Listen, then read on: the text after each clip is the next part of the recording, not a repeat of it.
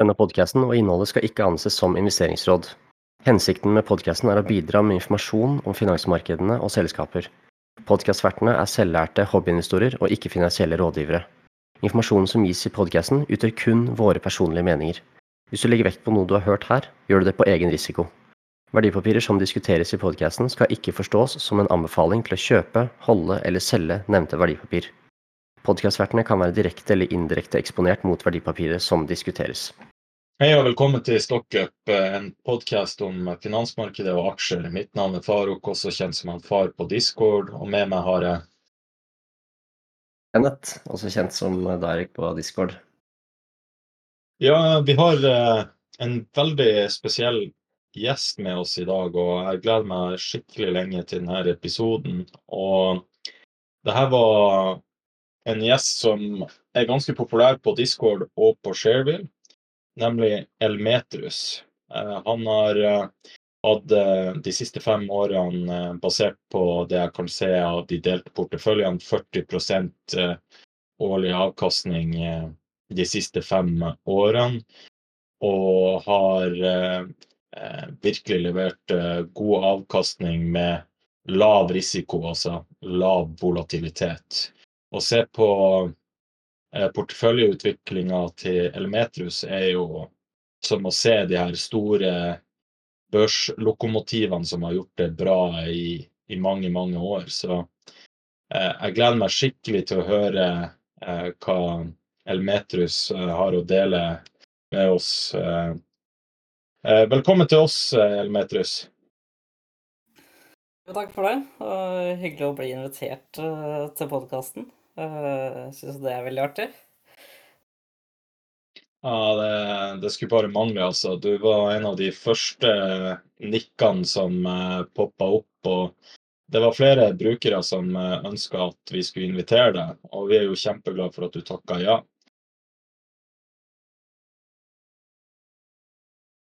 Eh, for at lytterne liksom skal få et godt bilde for hvor, hvor, vi er på investeringsferden. Altså, fortell litt om deg sjøl. gjerne litt om hvordan du finner selskaper, hvor lenge har du drevet på med børs.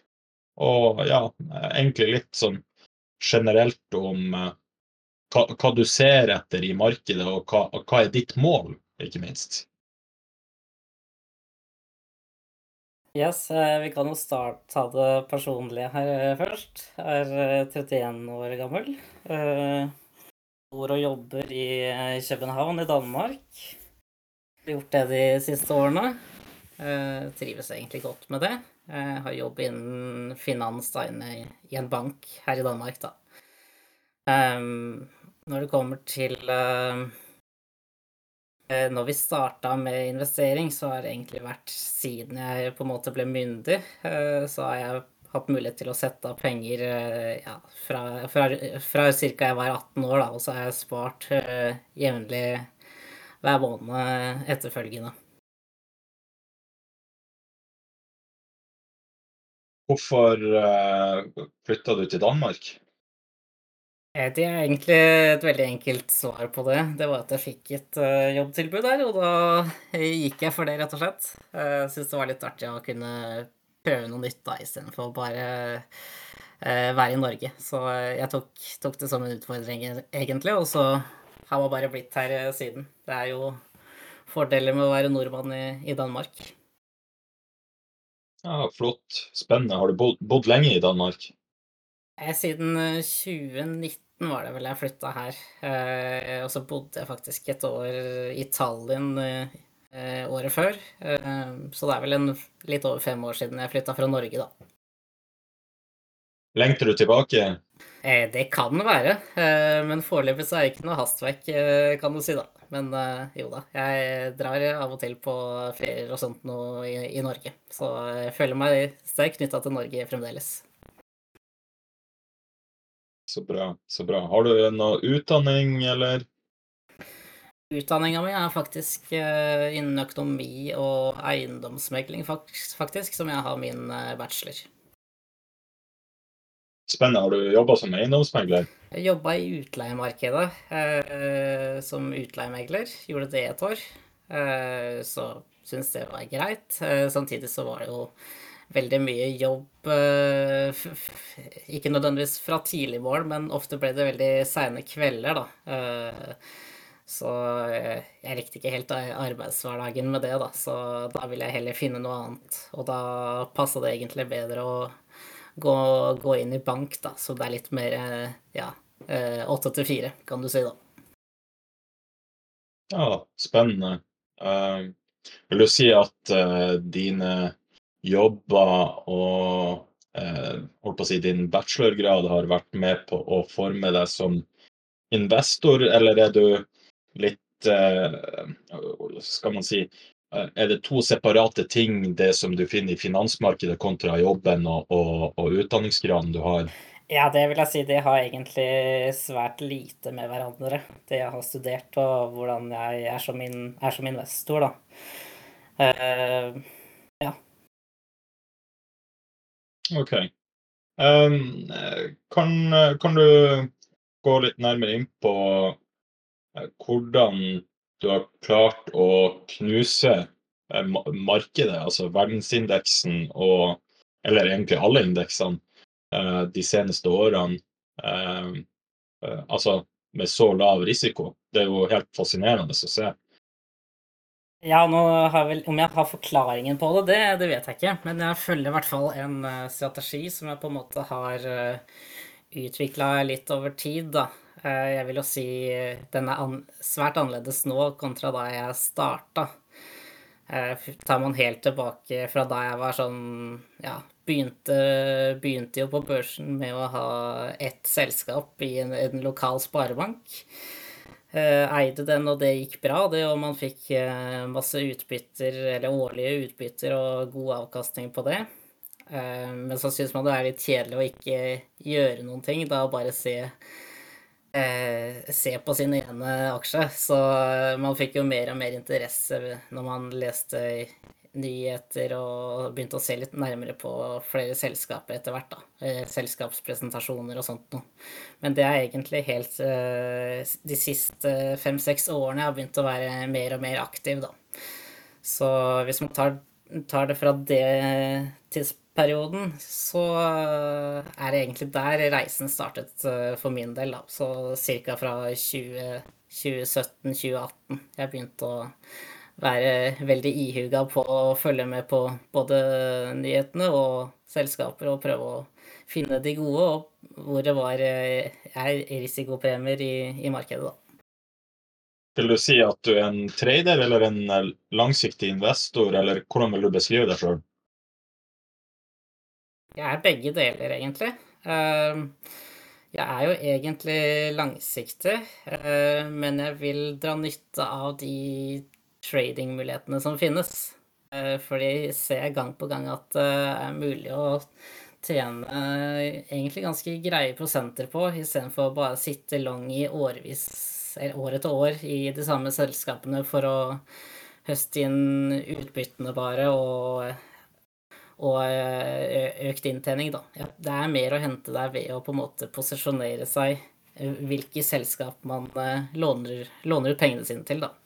I hvert fall det er min erfaring på, på det der. Så det prøver jeg å tilstrebe, et bestemt, da. Men holdt på å si Hvordan går du hvordan går du inn for å velge selskap A kontra B? Eh, hvordan setter du sammen porteføljen din? Jeg ser jo du har jo titalls aksjer, og så er de på en måte Det er ikke bare ett land, og så er det ikke bare én sektor. Eh, kan du gå litt eh, nærmere inn på det? Ja, helt, helt overordna så har jeg liksom funnet ut at uh, man skal ikke ha for mange aksjer, og man skal heller ikke ha for få, da. Så det ja, Jeg skal ikke uttale meg for mye om at folk har få selskaper, egentlig, men uh, det er jeg veldig skeptisk til, egentlig. da. Man liksom putter alle eggene i, i en kurv. Uh, så det min filosofi går på, det er å ha en portefølje som til enhver tid da balanserer mellom å ha ja, si 25 selskaper, hvis det er litt sånn uh, usikkert i markedet, og kanskje ned mot en 10-12 hvis man på en måte ønsker å kjøre noen sterke bet. da. Men at det ikke går utenfor det intervallet. da. Men gjerne sånn i en normal så kanskje rundt 20, 20 stykk, da. Og på hvor er vi i dag? Jeg tror jeg telte opp her uh, litt før vi starta. Jeg tror jeg har ca. 22 aksjer jeg er inne i akkurat nå. Men det er uh, også veldig stor forskjell i vektingen av de selskapene, da. Så uh, hvis man tar halvdelen, så er det kanskje en tre-fire selskap som utgjør halv, halvparten av porteføljen, da. Ja, og, og, men hvorfor, hvorfor, er det sånn? Ja, altså det er jo fordi ønsker å gripe de mulighetene jeg ser, da. Eh, og der man på en måte kan Ja, eh, de selskapene jeg går tungt inn i, der føler jeg at uh, nedsiderisikoen er nærmest fraværende. Altså ting som faller, kan alltid falle videre. Men det er skrapa så til rock bottom at der tør jeg på en måte å satse stort når jeg ser på en måte at det er jeg blir ikke overrasket om enkelte av de investeringene vil doble seg. Om det skjer i løpet av tre måneder, seks måneder eller tre år, det er jo markedet som bestemmer. Men eh, det viktigste er at man eh, eh, begrenser nedsiden her og på en måte er med opp hvis det går oppover, kan du si, da.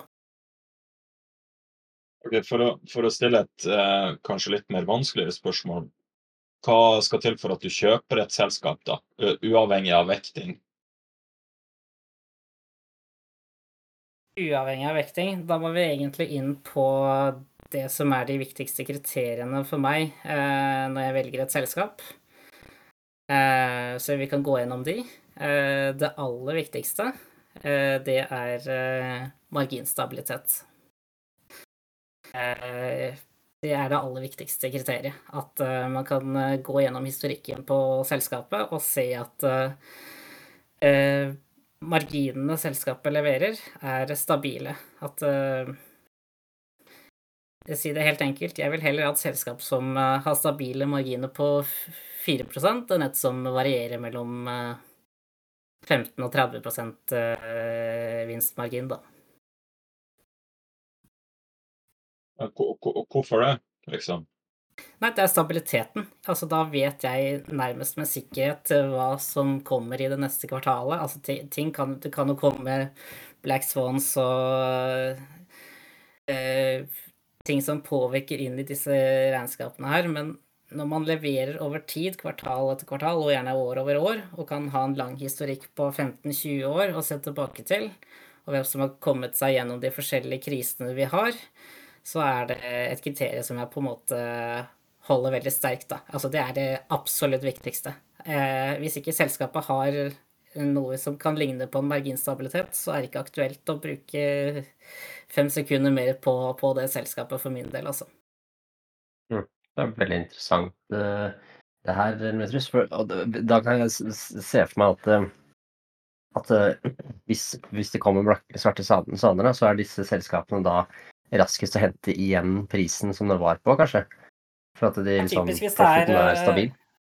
Ja, typisk hvis det Nå har det jo vært energikrise og sånt noe, og inflasjon. Eh, så det blir jo på en måte de selskapene som greier å føre de økte kostnadene over på forbrukeren, da. Eh, så i prinsippet er det da selskapet med typisk eh, pricing power, da. Men Ikke for å være vanskelig, men har ikke du pricing power hvis du har en margin på 30% og så klarer du å senke ned til 15 for å oppnå markedsandeler.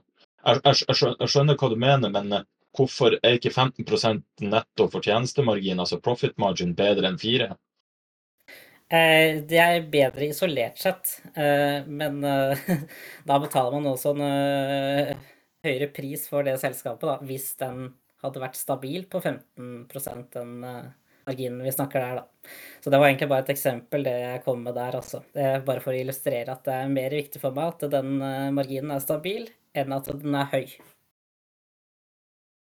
Er, er du uh, Altså uh, Vil du si at du er Altså at du skyr unna sykliske selskaper, da? Ja, jeg gjør det mer og mer. Eh, siden jeg var litt yngre og ikke hadde så mye investert. Da syns jeg også det er mer innafor å kjøre noen sykliske bet.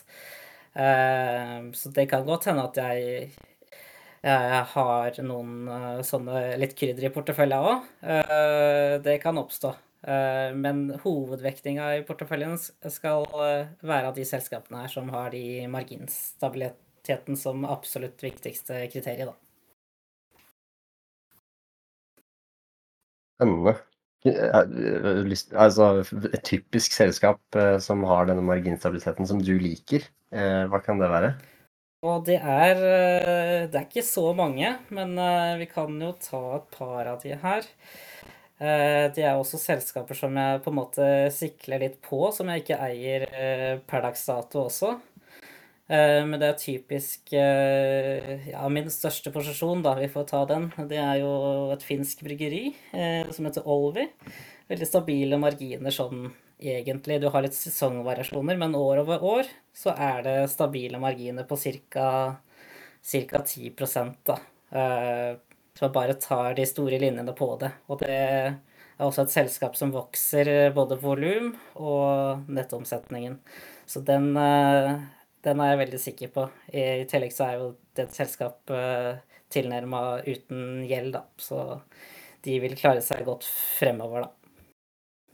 Uh, men vi kan jo ta litt flere, bare for å lufte inn et par eksempler på de selskapene som har stabile marginer, da, i, i mitt hode. Uh, det er da selskaper som f.eks. Uh, har noen her i Sverige. Det er Bahnhof, Axfood, Bufab, Nibe, Hutamaki, Kone, Bouvet, Borregaard, Bravida, Bønsel, Loomis, Securitas. Eh, bare for å nevne noen, da. Så det er typisk selskaper som jeg har på min eh, watchlist, som jeg både vekter opp i og ned i, litt avhengig av hvordan prisingen er av de selskapene. Men de er alltid på min liste over de De kan jeg eie long alle sammen, men jeg vekter opp og ned ut ifra verdsettelse og hvordan de går på, på kort sikt, da. Men alle de har relativt stabile marginer, i, i, tillegg til at de vokser eh, strukturelt og har god avkastning på, på egenkapitalen. Så det er det jeg syns er kvalitet, i hvert fall. Uh, holdt på å si, Jeg så også på i porteføljen din at du eier 3M og Pfizer. Det er jo to aksjer som har vært litt skadeskutt fra 2021. Er det sånn at du prøver å finne bunn i la oss si store eh, bautaer innenfor sine sektorer, og for så å håpe på en oppsving? Altså litt sånn svingtrading på, på de, eller er det sånn langsiktige posisjoner, det òg? Det kan være begge deler. Eh, men det som er, eh, er helt riktig med 3M der, at de har jo masse rettssaker og masse som kan gå gærent for seg, de. Eh, men historien viser allikevel at de er ekstremt sterke på nettopp det kriteriet med marginstabilitet. Eh, så derfor så har jeg valgt å ta en posisjon der. Ikke en veldig stor posisjon, jeg tror det er eh, litt over 2-2,5% av porteføljen. Men da er vi da også ja, er vel allerede i pluss på den. Så det er jo break-even på veldig lave multipler på den, da. Så men den, det er en aksje med litt svakheter, men der er det mest for potensiell eh, eh, margi... Hva heter det? Eh, multiple eh, ekspansjon i det selskapet, da. Hvis det kommer gode nyheter, eh, f.eks. Eh, på den, da. Men eh, jeg ser det Den passer egentlig greit inn, så lenge man har kontroll på at posisjonen ikke blir for stor, da, rett og slett. Så du vil, eh, hvis jeg forstår deg rett, så vil du chippe ut 3M når den når en viss prosentandel av porteføljen? Ja, eller dersom det blir andre eh, gode selskaper som jeg eh, på et annet tidspunkt eh, anser som mer attraktive, da. Og så kan, kan, man bare bruke pengene videre der. Så jeg har ikke noe problem med å selge aksjer. Jeg kan selge aksjer med tap uten at jeg eh, føler noe vondt med det, altså. For det er alltid den alternative plasseringen jeg ser på, da. Så hvis, så, så, det handler alltid det å vite om hvorfor kjøpte jeg den aksjen her. Når jeg sier da at jeg kjøpte den fordi jeg satser på en uh, multiple ekspansjon Hvis jeg ser at det ikke vil materialisere seg, eller at ting ikke går i den retningen, så er jeg den første til å bare kitte ut den aksjen, jeg. Så det å vite hvorfor kjøpte jeg den, og hvis det er intakt, jo, da kan det godt hende jeg holder, kanskje øker posisjonen. Eh, men hvis det viser seg at det ikke går den retningen, da, da er det fort på vei ut. Eller til fordel for å vekte opp i noen andre av de selskapene som jeg syns er eh, veldig, veldig gode selskaper, da. Så du er 100 investert hele tida? Eh, nesten. Eh, det er svært sjelden at jeg går eh, cash, men jeg prøver å tilstrebe å gå cash de gangene det er mulig. Men som regel så syns jeg at jeg ser gode muligheter hele tiden. Når jeg ser på disse her aksjene, så beveger de seg såpass mye. Mye, mye mer enn det som Hvis man bare skulle sett på inntjeningen til selskapet og hva som egentlig er årsaken til svingningene. Så ja, jeg syns jeg ser muligheter uh, til å plassere det videre. Men ja, jeg prøver å ha et veldig bevisst forhold på at hvis jeg ikke ser noe, uh, så kan jeg godt selge for å skape en cash-andel, for jeg vet at jeg vil kunne bruke den senere. Så det er jo også et, en alternativ plassering, da, å ha en liten cash-beholdning. Men uh, jeg ser også at du eier en av uh, selskapene jeg har på, på watchlist, nemlig mm. Bunzel. Der har du jo uh, fantastiske marginer, og, og, det svinger jo veldig lite. Si, hva er formålet med den investeringa? Er det noen prosentandeler av porteføljen din som er for trading, og noen som er for holdt på å si, ti år fremover, eller tenker du ja, ikke sånn i det hele tatt? Den står jo rimelig perfekt, da. Eh, der har jo disse her stabile marginene, og så i tillegg så leverer man jo jevn, jevnt og trutt eh, vekst også på topp- og bunnlinje der, så den, eh, den er vel en aksje jeg er svært lite bekymra for, i hvert fall. Så den, men den også, den i utgangspunktet er eh, Når vi begynner å nærme oss 20, eh, 20 ganger ørning og høyere enn det, så er jeg ikke så ivrig. Men eh, den får lov til å være, være en del av porteføljen, den også. Rett og slett fordi det er et fantastisk selskap.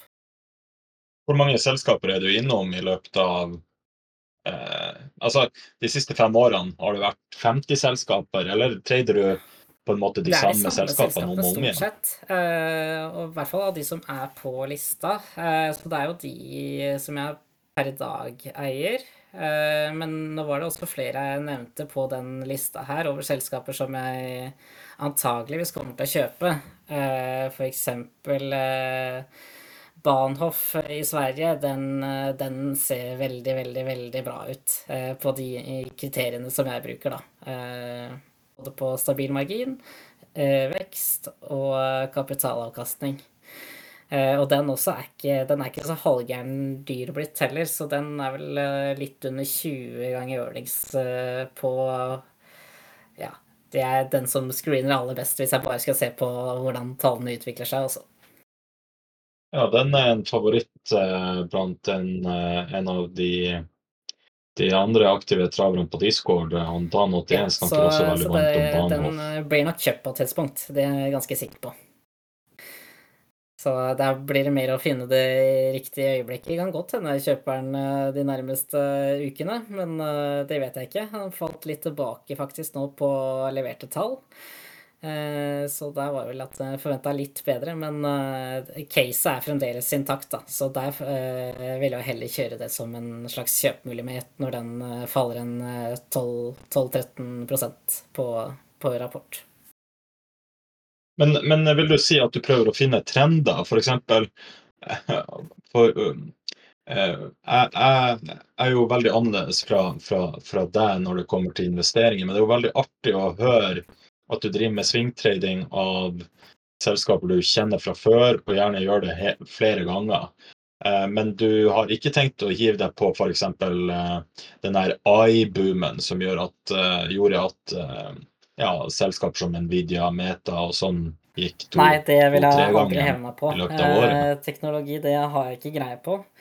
Eh, så det får noen andre styre. Jeg har vel noe indeksfond eh, via eh, pensjonssparinga på jobben, så det er vel det jeg signer til, til de hypa aksjene der.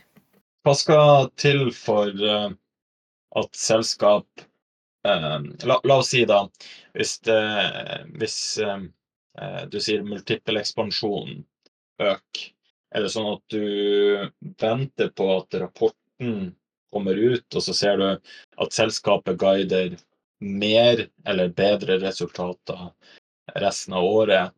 Velger du å holde på den aksjen likevel, og ser på forward earnings, altså eh, forward PE, eller er det bare sånn at du følger intuisjon, eller Eh, bruker du faktisk Som kalkulator nå? regel så prøver jeg å kjøpe selskapet før rapport.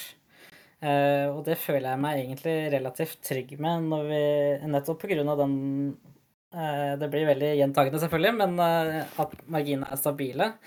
Og hvis da et selskap har falt litt i forkant av rapport, folk er bekymra, så er jeg heller han som kjøper før rapport. Men eh, motsatt, hvis eh, optimismen har eh, vært veldig god i forkant av en rapport, da er jeg heller mer skeptisk. Da kan jeg heller avvente til etter rapporten. Fordi da er det ofte at man forventer litt for mye, da. Så det er egentlig litt hvordan det kortsiktige Eller hvordan markedet på en måte Sentimentet i markedet er før en rapport som avgjør om jeg vil kjøpe før eller etter. Så der er jeg kontrær, da. Altså handler ofte motsatt av det markedet gjør. Motsatt vei.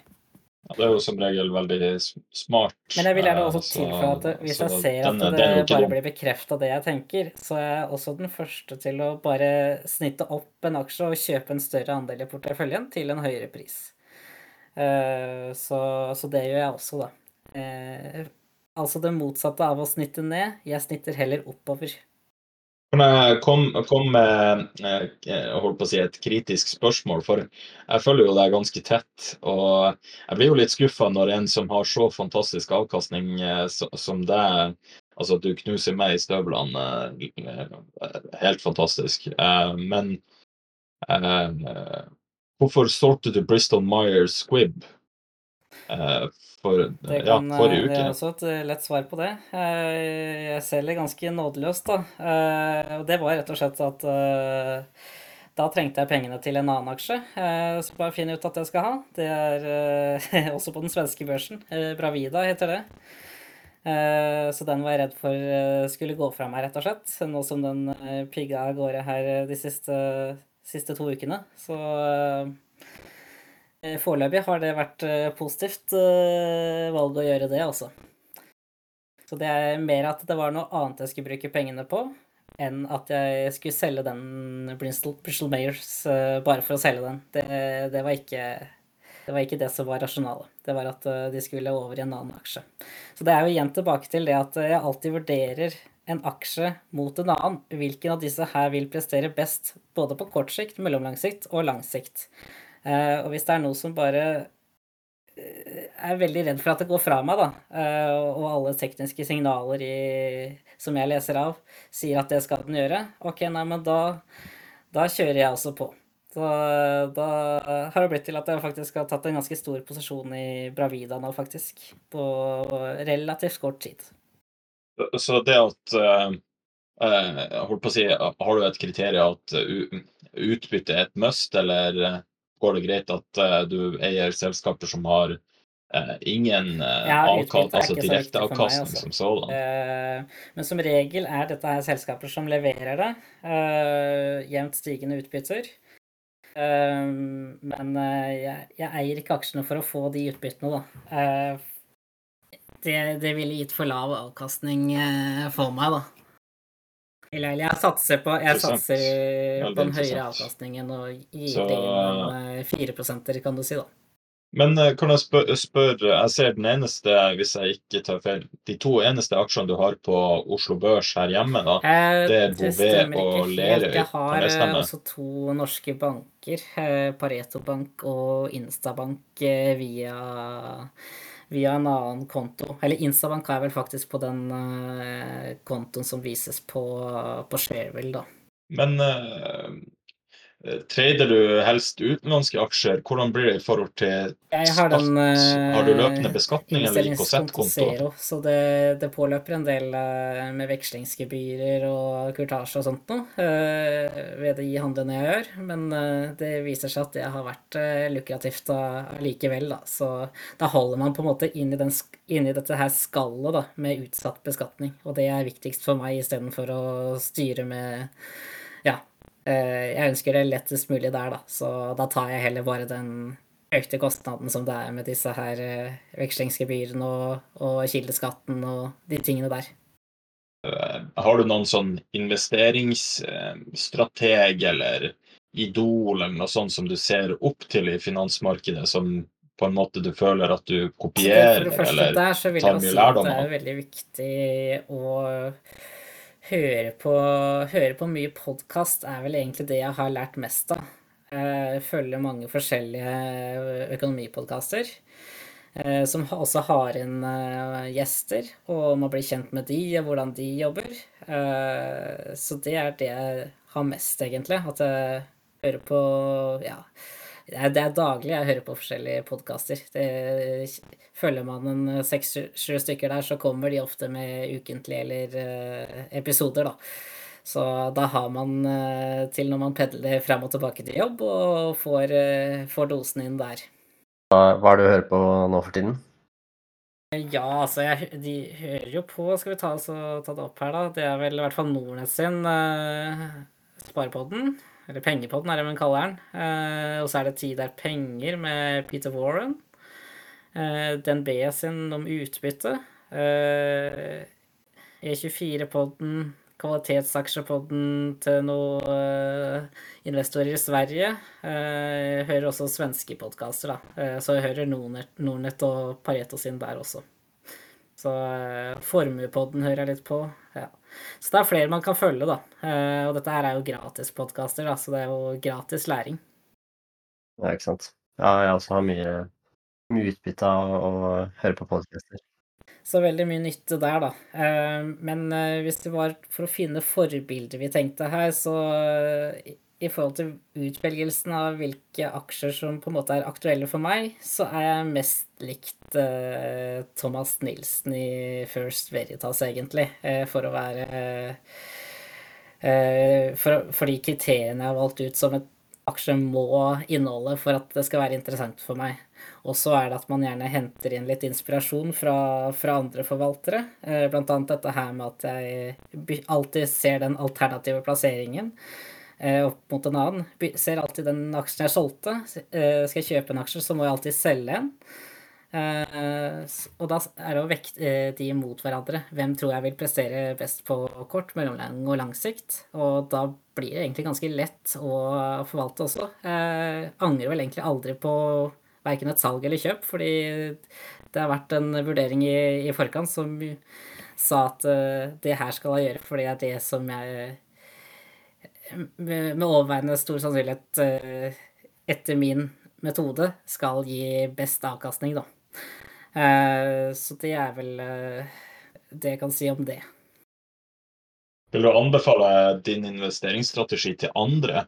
Altså, hva er ditt råd til unge småsparere der ute for å holdt på å si, kunne få den avkastninga du har klart? Det aller viktigste er å gjøre feilene med, med de små pengene når man starter. At uh, du brenner deg først uh, med de små pengene, så ikke du sitter her og venter med å investere til du har millionbeløp, men egentlig ikke vet hva du driver med. Eh, Så er det bedre å få tapt noen tusenlapper her og der i starten og prøve seg litt fram, for det er det man lærer av. Så der syns jeg at det er viktig at folk kommer i gang tidlig. Eh, gjerne allerede fra dem er eh, Ja, også før de er 18, men eh, det er jo greit å bare sette det som en start, kanskje, da. Også det med at man har en jevnlig sparing, da, og har eh, offensive sparemål eh, når man får en eh, lønning. At man sparer først ut ifra sparemålet sitt. Hvis man har lyst til å spare, har et mål om å spare 5 10 000 av lønna si, så sparer man det, setter av det, putter det inn på kontoen sin for, for aksjer. Og så er det det man har tilbake man på en måte bruker av resten av måneden. Da. Det blir lettere på en måte å få et høyt sparebeløp da, ved å gjøre det på den måten. Så betale seg sjøl først? ja, eh, sette av pengene til investeringer først. Eh, man må jo først definere hva som er målet. Hva vil man med sparingen, og hvordan skal man nå dit? Eh, og så har jo ofte man har høye mål, men skal man nå de høye målene, så fordrer det ofte litt høy sparing, da. Uh, og da kan det være lurt å sette av det først. Uh, for sånn som det har vært for min del, de aller første årene, sånn Jeg tror det var uh, Det var egentlig først her de siste to årene at avkastningen min bikket det jeg sparte inn i porteføljene.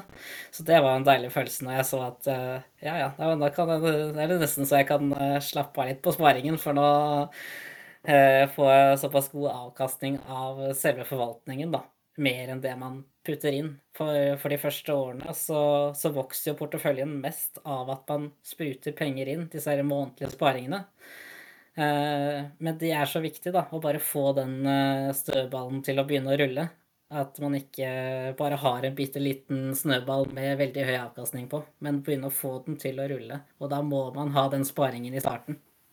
Absolutt. Ja, det er veldig viktig å kunne bygge kapital først, og så, og så forrente den senere.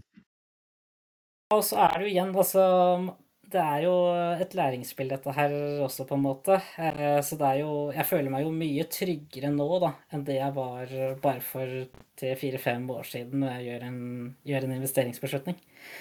Uh, i de første gangene så er man jo nærmest eh, nervøs for å kjøpe en aksje for eh, et par tusen kroner, ikke sant. Men nå kan man jo bare være såpass trygg på de tingene man gjør, at man kan flytte på langt større beløp ut av rynke på nesa i det hele tatt. Så man er liksom mer løs og, og vet å agere på de mulighetene som er, da. Så, det, så man ikke blir redd når, når de mulighetene kommer. Da har man trent seg. Man er klar Man har gjort analysen på forhånd. Kaldt hode og disiplin uh, høres ut som en god, god medisin her. Uh, jeg bare ble veldig nysgjerrig på kriteriene dine, altså, og, og da særlig sett litt opp mot uh, bransjer og sektorer, kanskje, for at jeg ser på de posisjonene du har, at de varierer jo både i, i sektor og, og bransjer. Og, og, du har vært innom marginstabilitet, og den virker jo som at så lenge det er stabilt, så er det samme om det er 5, 10 eller 15 eller mer.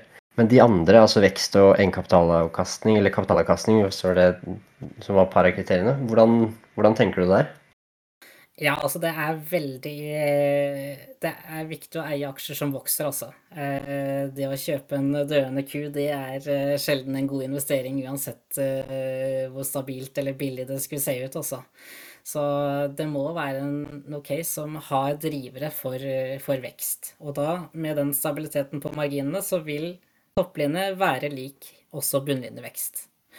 Eh, og hvis du da kombinerer det med at eh, du setter et krav om at de har eh, høy avkastning på kapitalen og en sterk balanse, at de har god evne til å betale tilbake den gjelden de eventuelt har, så er det det absolutt viktigste, da. Det høres, høres veldig solid ut, egentlig, den strategien her. Så det, så det, er ikke så mange kriterier, men hvis du greier å komme deg inn på disse her, så, så er det såpass gode selskaper at uh, er, for meg er det egentlig ikke så viktig hva de selskapene gjør, altså så lenge de leverer på de kriteriene der. Eh, altså, det er greit for meg å vite hva de driver med, sånt uh, Jeg veit litt om det, selvfølgelig. og har en viss formening om det er noe ekstremt mørke skyer på horisonten. Men å gå veldig i detalj på selskapene, det er for meg ikke så viktig, altså. Så lenge tallene stemmer, så er det det, som jeg ser på, da. Og nå er det ikke alltid jeg er så lenge inne i hver av disse aksjene heller. Eh, selv om jeg stort sett er i markedet fullinvestert til enhver tid. Så Nettopp. Så, så, så, da, så, det går tilbake til, til liksom OK når du, når du, måler selskaper opp med hverandre, så er det på en måte en funksjon av hvordan er vekstutsiktene, og hvordan er prisen relativt til den veksten? Er det, er det sånn du på en måte skiller de fra hverandre? Ja, altså det er jo at man ikke kjøper uh, salesen for dyrt, dyrt, rett og slett, da. Da har man en mulighet til at det, det blir en Det kan øke der. Og så er det jo Jeg vil helst da Det er jo det tekniske i dette her, da. At jeg helst vil eie aksjer som er i en positiv trend, da. Og det følger som regel resultatene, men det er ikke alltid det gjør det. Eh, eller hvis det er imellom kvartaler eller sånt noe, så kan det hende det er kortsiktige svingninger som, eh, som jeg ønsker å benytte meg av, da. Så eh, Men hvis det er Jeg vil heller ikke krige mot uh, markedet, da. Hvis markedet på en måte sier her at den, denne aksjen her skal ned, så vil ikke jeg krige imot det. Jeg vil heller være med der kontantstrømmene går, heller enn å være sta på at uh, man har rett på, på verdsettelse, da. Så uh, det er noe man kanskje kan fort gjort å brenne seg litt på, at man er, er litt for sta, altså. Man tør å, tør å gi slipp på mm. ting. Tørre å ta noen småtap her og der, og heller bare komme seg videre. Og være i det være, være i de aksjene det skjer, på en måte. Da. Ja, ikke sant. Først jeg tenker på er Telenor. det er liksom, alle sier at det er undervurdert. Ja, det er jeg også tenker. Det for meg er vel i kategorien denne døende kuren, og det vil vi ikke ha. Nei, ikke sant. Hvor lang, altså, hvor lang tid eller hvor lang, eh, hvor lang tid må ha gått for at eh, en trend vil være etablert eh, for deg? Eh, det er vel egentlig minimum tre måneder. Men det kan jo være trigger i forkant som man må handle på, da. Eh, så man vil jo sånn sett ta, ta noen sjanser eh, i så henseende. Eh, men for at det skal være en trend-trend, så er jo det Jeg ser jo helst på de lange trendene, da. De, de grove som går over flere år, kan du si. Men så har du disse her som varierer kanskje en gang i løpet av året, f.eks. Eh, men ja, den er vel først etablert eh, tidligst etter tre måneder, som regel. Ehm, hvilken betydning har på en måte makro og makronyheter og renter og inflasjon og disse tingene? Eh, hvordan eh, har du det inn i prosessen din? Eh, det som er, det er at når rentene har gått opp sånn som de gjør nå, så er jo det, er jo det igjen en alternativ plassering. Og da ofte med meget lav risiko, da. Hva er liksom den risikofrie renta? Når den går opp så mye som den har gjort nå, Eh, så vil jo da kapitalstrømmer gå i retning av renter, og det blir vanskeligere å få disse høye multiplene på eh, i hvert fall selskaper som er gode, men som vokser litt for sakte, men da på lav rente hadde en veldig høy multiple, da. Så det er, det er litt vanskelig å vurdere de nå som rentenivået er sånn som det er. Eh, og det egentlig ikke er noen utsikter til at rentene skal veldig fort ned, da. Så, så den, er, den kan være litt vanskelig. Eh, så derfor eh, tilstreber jeg ikke ta i for, eh, for dyre selskaper, da. Så jeg, jeg syns jo det å betale over 20 ganger earnings for et selskap er i begynner å bli mye når renta er sånn som den er. Så jeg ser helst på selskaper som gjerne ligger mellom 10 og, 10 og 17, kanskje, ja da. Selv om jeg kan være villig til å kjøpe dyrere selskaper eh, hvis de virkelig leverer på, på veksten. Jeg holdt på å si uh, Peter Lynch uh, sa, sa, noe ganske fantastisk i One Up on Wall Street uh, i boka. Altså Hvis et selskap vokser earningsen sin med 30% mener du at selskapet ikke skal verdsettes til mer enn en 17-multiple, som du er inne på? nei, men det er vel mer at jeg går ikke inn i de type casene, fordi det er mye lettere å holde kontroll på de andre som ikke vokser så heavy, da. Eh, det er ikke så eh, mye som skal gå galt hvis den 30 %-veksten eh, kanskje plutselig bare blir 25 eller 20. Og så er jo fortsatt et fantastisk selskap isolert sett, men verdsettelsen vil jo bli en helt annen. Og det er de jeg ikke vil, vil borti, da. Så da ser jeg heller på disse casene som vokser 10-15% i året. da. At det er, det er, nok for meg, det også. Jeg ser ikke etter de ultravekstselskapene. Interessant. Jeg ser at du eier Lerøy.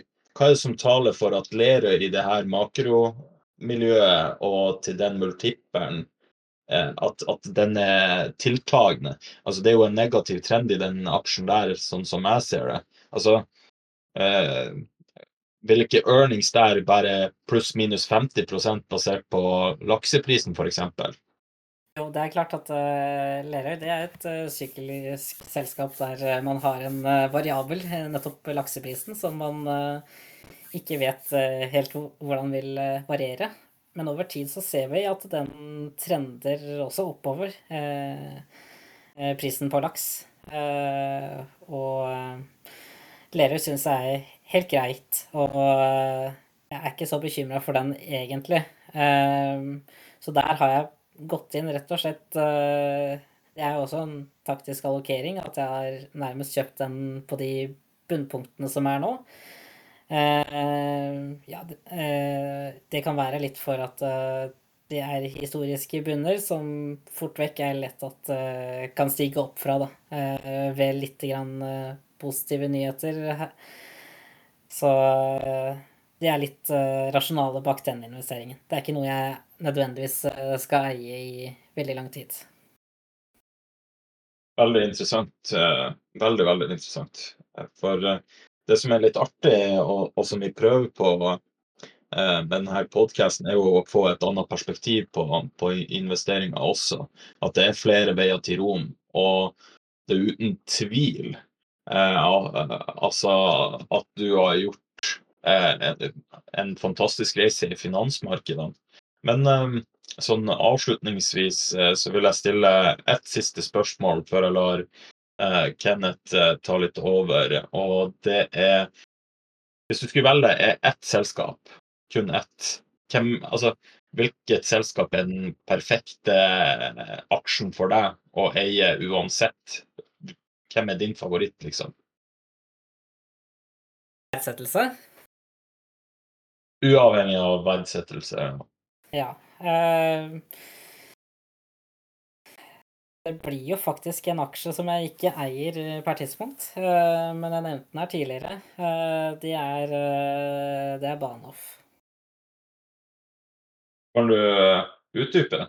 For det var jo litt interessant. Det, det er jo rett og slett fordi den scorer egentlig tilnærma 100% på de kriteriene jeg har. Eh, før så syns jeg den liksom Den har jo liksom vært litt eh, i øvre sjikt, eller sånn handla til en rundt eh, 25 ganger earnings, på litt moderat uh, vekst. Det er ikke noe sånn skikkelig vekstrakett.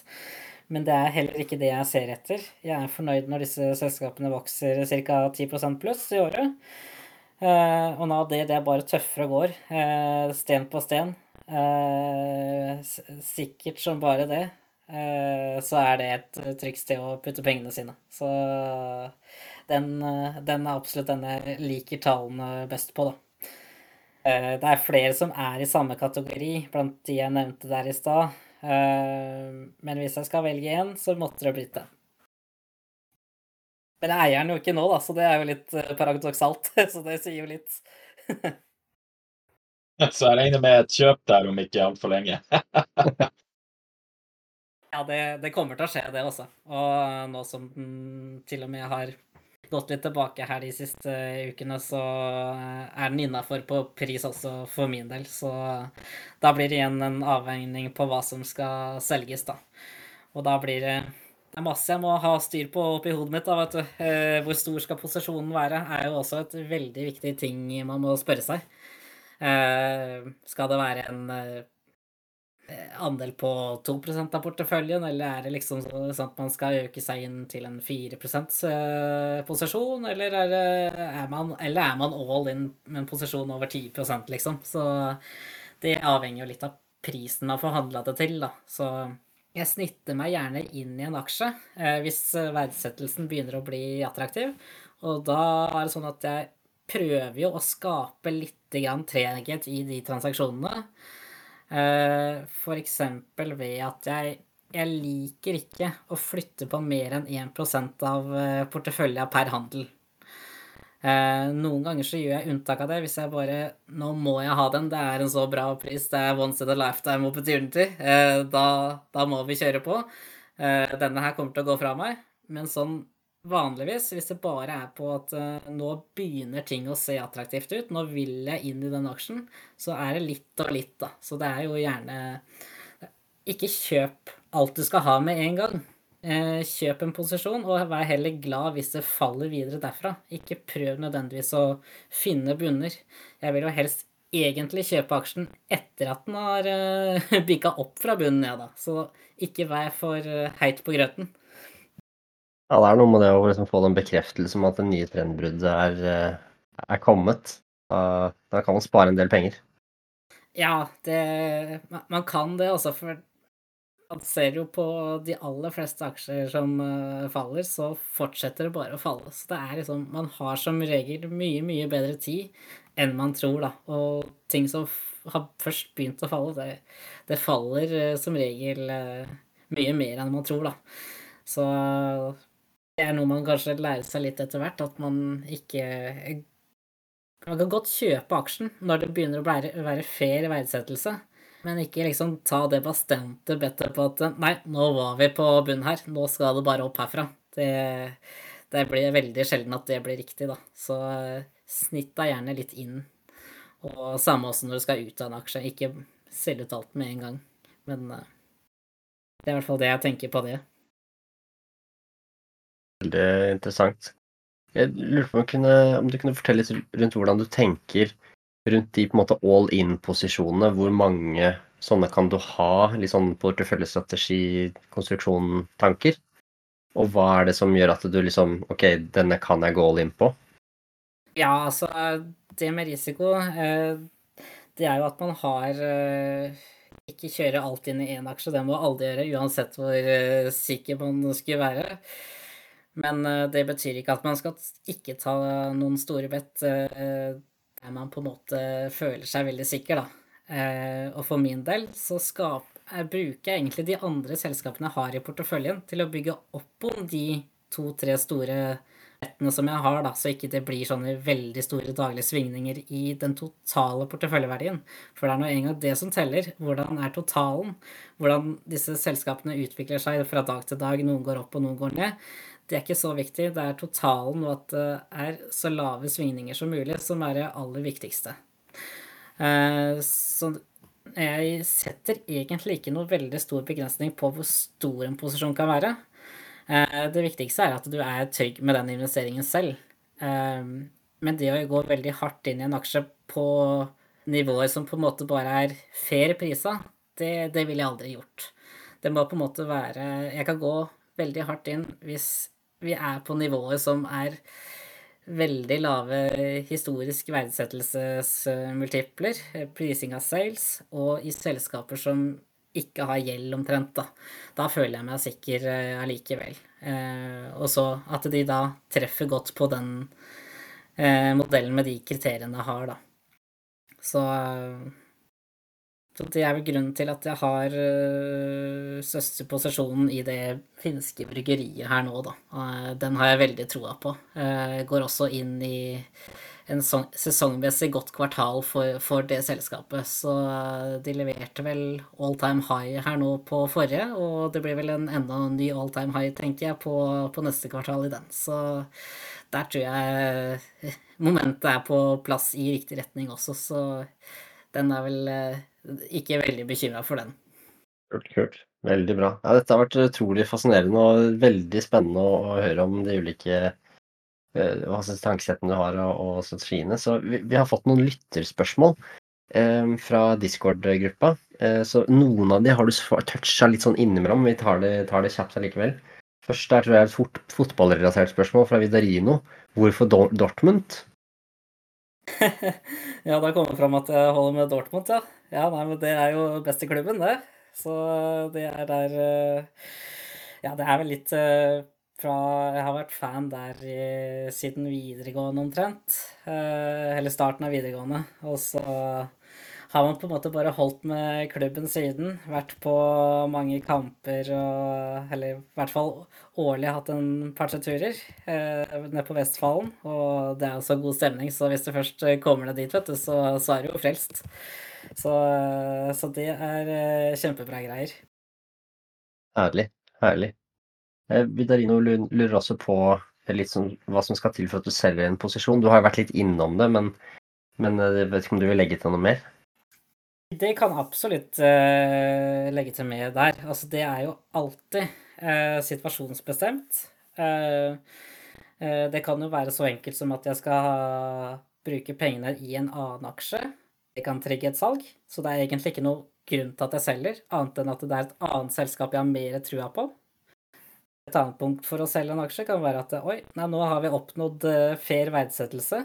Jeg ser ikke noe her, Nå er det større nedside enn det jeg kan se oppside, så da vil jeg hvis jeg ikke skal kjøpe noe, ok, kanskje det er en ypperlig anledning til å bygge en cash-posisjon cash og bare selge ut der. Uh, en tredje ting kan være hvis uh, det tekniske bildet, nyheter, kommer uh, Gjør at caset på en måte endrer seg, eller sentimentet for den aksjen ikke er det samme som var grunnlaget for at vi kjøpte den. Og da kan det, da kan det plutselig være at da finner jeg ut at jeg bare må rake det ut hvis det er noe som jeg på en måte blir litt bekymra for. For jeg orker ikke å ha selskaper jeg er en tanke bekymra for. Jeg skal alltid ha, være Eh, hver dag så ser jeg på hele porteføljen min. Eh, og det viktige da er at du alltid er 100 fornøyd, for ellers så skulle jeg gjort noe annerledes. Enten skulle jeg solgt noe for å tatt en høyere posisjon i et annet selskap, eller så skulle den posisjonen vært litt lavere, noe som da kunne ført til at man hadde bygd opp kontantbeholdningen. Så vær alltid fornøyd med porteføljen din. Vær glad i den. se på den hver dag. Du må ikke gjøre kjøp og salg hver dag, men se på den og liksom vær fornøyd. Eh, og hvis du ikke er fornøyd, så skurrer det, og da er det som regel ja, skurrer det, så skurrer det. Og da er det bedre å få gjort noe med det med, med, en gang. Og da vet du også at da har du gjort det umiddelbart etter at du på en måte har oppdaga at det var litt eh, knirk i maskineriet, da. Så det gir meg en mulighet til å agere lynhurtig eh, hvis eh, ting skulle komme, da. At jeg har full kontroll på at jeg har sett på dette her eh, hver dag. Porteføljesammensetninga. Og om det er hvilke som på en måte begynner å nærme seg eh, enten at man skal selge litt ut av, eller eh, øke posisjonene. Ha alltid kontroll på det før Som veit det på forhånd da før, eh, før dagen starter. Um, Fordrer at du er litt aktiv da, hvis du skal gjøre det på den måten, men det er jo det som er, er gøy med dette, her, at man kan uh, følge med daglig. Så hvis man syns det er det man har lyst til å bruke litt tid på, så er det en viktig del. å alltid være fornøyd med porteføljen. Ikke sant. Altså, jeg kom, kom til å tenke på, det slo meg ikke sant? Du var jo litt sånn aktiv i, i de amerikanske bankene i mars eh, måned. Altså Western Alliance, eller hva det heter for noe. Western Bank Corp, eller. Jeg kommer i pluss på den nå. Da, Du gjorde det? Rått. Jeg var eh, Det føltes som en mine idet jeg gikk på den, altså. Men jeg, det er det, altså. Det er det som gjør at når du har den porteføljen, at da, da, tåler du å gå på disse minene av og til, og du orker å holde ut, da, istedenfor at du blir nødt til å selge på dårlig tidspunkt fordi du rett og slett er utmatta. Uh, så det at man ikke går inn for hardt, kan gå inn litt hardt. Uh, du tåler det, men når du har hele porteføljen rundt, så gjør det deg sterkere til å stå imot uh, selv de verste svingninger som man kunne si i det, det, selskapet der, da. Så, så, der har jeg faktisk gjort oh, ikke veldig mange prosenter, men nok til at man kom positivt ut av det og har fått plassert de pengene videre i andre tryggere selskaper, da. Det, er, tror jeg er et sånn viktig punkt der, egentlig. For det er jo rart Altså, hvis man, hvis man på en måte har tålt nedgang da, i en aksje for at man er så overbevist om at det kommer til å bli bra, og så, sant, så du holder på vei ned, du holder og holder og holder, og så er det tilfeldig at det rett etter at du liksom har gitt opp, da begynner den å snu, ikke sant? Men det er liksom psykologien i det. at liksom, Da har du, da har du, da har du maks utmattelse. Og da, sant, da er det mange andre som har akkurat samme eh, utmattelse, og så får du en kapitulasjon, og da kommer det gjerne tilbake igjen.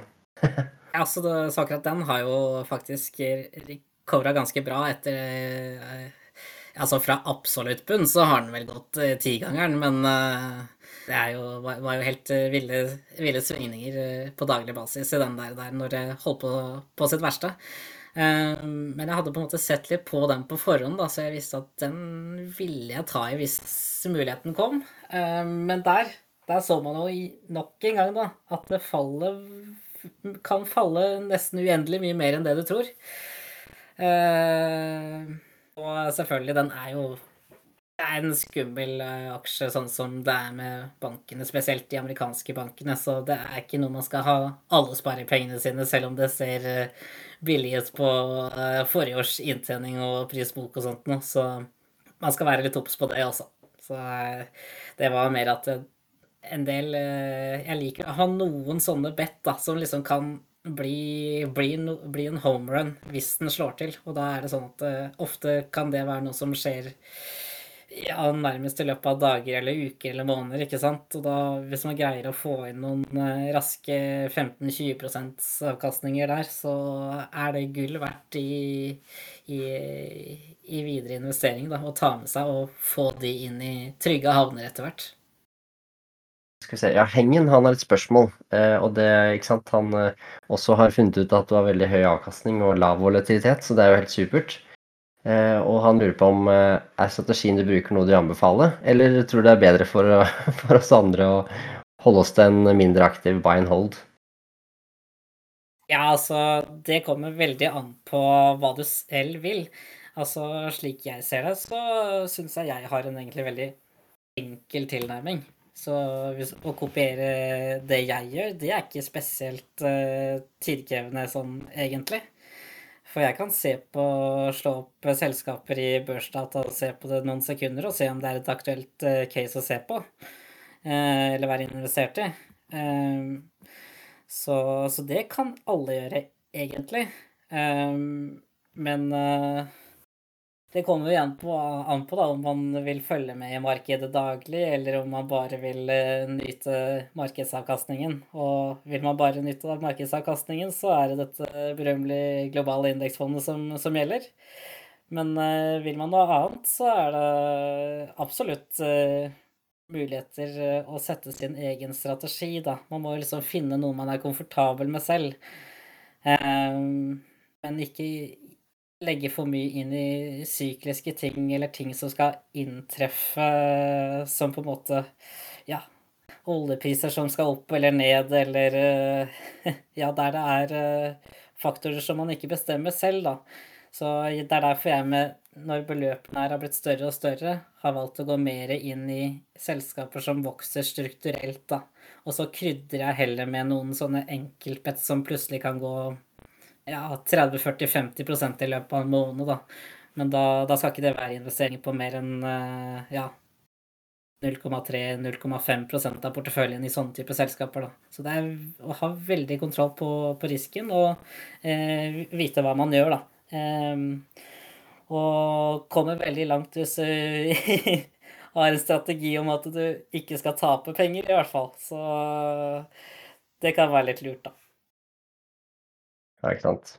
Eh, så eh, Boglestad han eh, hadde noen spørsmål knytta til litt sånn enkeltposisjoner, så jeg vet ikke hvor mye du går inn på det. Men man var veldig nysgjerrig på Securitas, Hatameki og Instabank.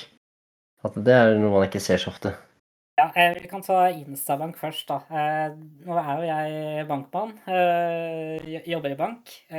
Og det er veldig stor forskjell på kvaliteten i banker. Eh, men hvis du først skal eie bank, så ei for, ei for all del norske banker, tenker nå jeg, da. Uh, og da har Instabank uh, for mitt vedkommende blitt valgt rett og slett fordi det er en utfordrerbank. prisingen der er jo også veldig, veldig lav. Det er vel en prising på omtrent 6-6,5 ganger earnings og prisbok på 0,7. Så vurderingen der er jo nærmest rock bottom, ikke sant? Eh, og da er dette her eh, en boks som for all del, det, det, vokser. Og den vokser i et marked som jeg vil se Det vil stadig være flere og flere eh, nordmenn og skandinaver som vil måtte kjøre inn et annenprioritetspant i boligene sine. Og da er eh, faktisk Instabank eh, en av toppvalgene for hvor, hvor, det skal skje, da. Så det er faktisk en bank som eh, vokser mye mer og, enn andre banker i Norge, da. Og når verdsettelsen er såpass lav som den er nå, eh, så er det er jeg ganske komfortabel med, med nettopp det, da. Så jeg hører også med til historien at jeg allerede har eh, dobla pengene i Instabank, da. At eh, jeg solgte den ut da de fikk bud fra Lunar. Eh, da solgte jeg den rakt av. Tenkte at da var det caset ferdig, ferdiggjort. Men eh, når vi er tilbake på den verdsettelsen som er nå, så har jeg vel kjøpt tilbake igjen de samme aksjene for en tredjedel av prisen omtrent. Uh, Securitas og Hattermaker, har du noen kommentarer til de?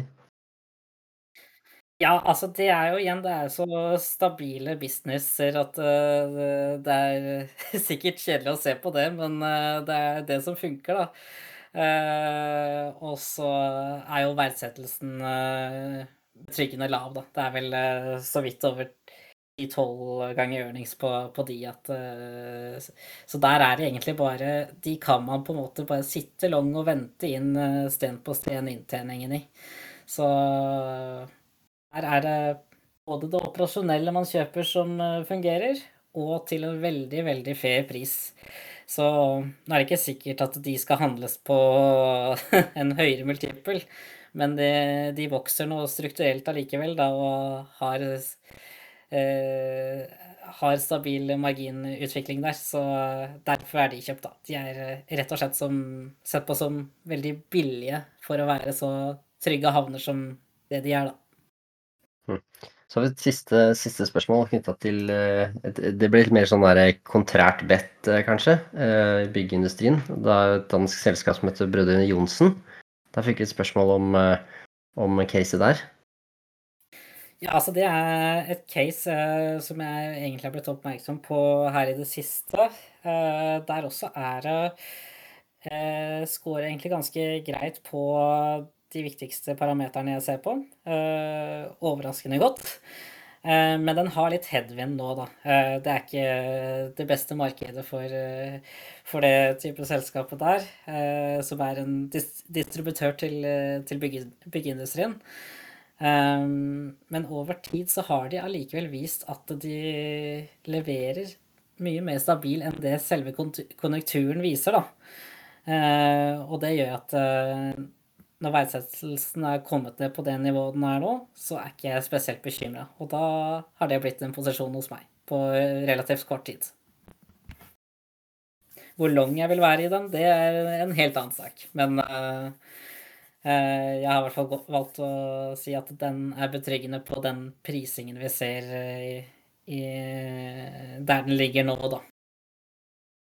Kjempebra, Elmetrus. Veldig, veldig bra. Har du noen Uh, siste ord du vil dele med lytterne før vi, før vi gir oss? Uh, ja, det er vel uh, det at man skal, som vi var inne på her litt tidligere, det med sparingen. Det er kanskje det aller viktigste i starten av en investeringskarriere. At man får satt av et godt mye, mye i starten så snøballen får begynt å rulle. Eh, lærer seg å tråkke på litt miner eh, underveis, mens beløpene kanskje ikke er så store. Har litt i bakhodet at easy come, easy go. Så er det ofte litt sånn med de investeringene man gjerne får flere hundre prosent, at de forsvinner også innmari fort. Så ikke nødvendigvis tro du er verdensmester bare fordi den første plasseringen eh, gikk eh, kjempebra. Veldig gode visdomsord, eh, Elmetrus. Veldig, veldig bra. Det her har vært en utrolig spennende, og artig og lærerik episode. Veldig fascinert over prosessen din, Elmetrus. Jeg finner den vanskelig, men klart du syns den er enkel sjøl. Men ja, veldig fascinerende. Veldig, veldig enkel. ja, vi eh, takker veldig for at du kom. Og det var veldig veldig interessant å diskutere uh, aksjer med deg. Og, og uh, håper du å komme tilbake en gang. Hvis dere har lyst til å holdt si, komme i kontakt med Elvetrus, så er det bare å bli med på Discord. Um, linken til discorden er i detaljene til episoden. Eh, så ja. Eh, vi, vi snakkes, folkens. Takk for oss.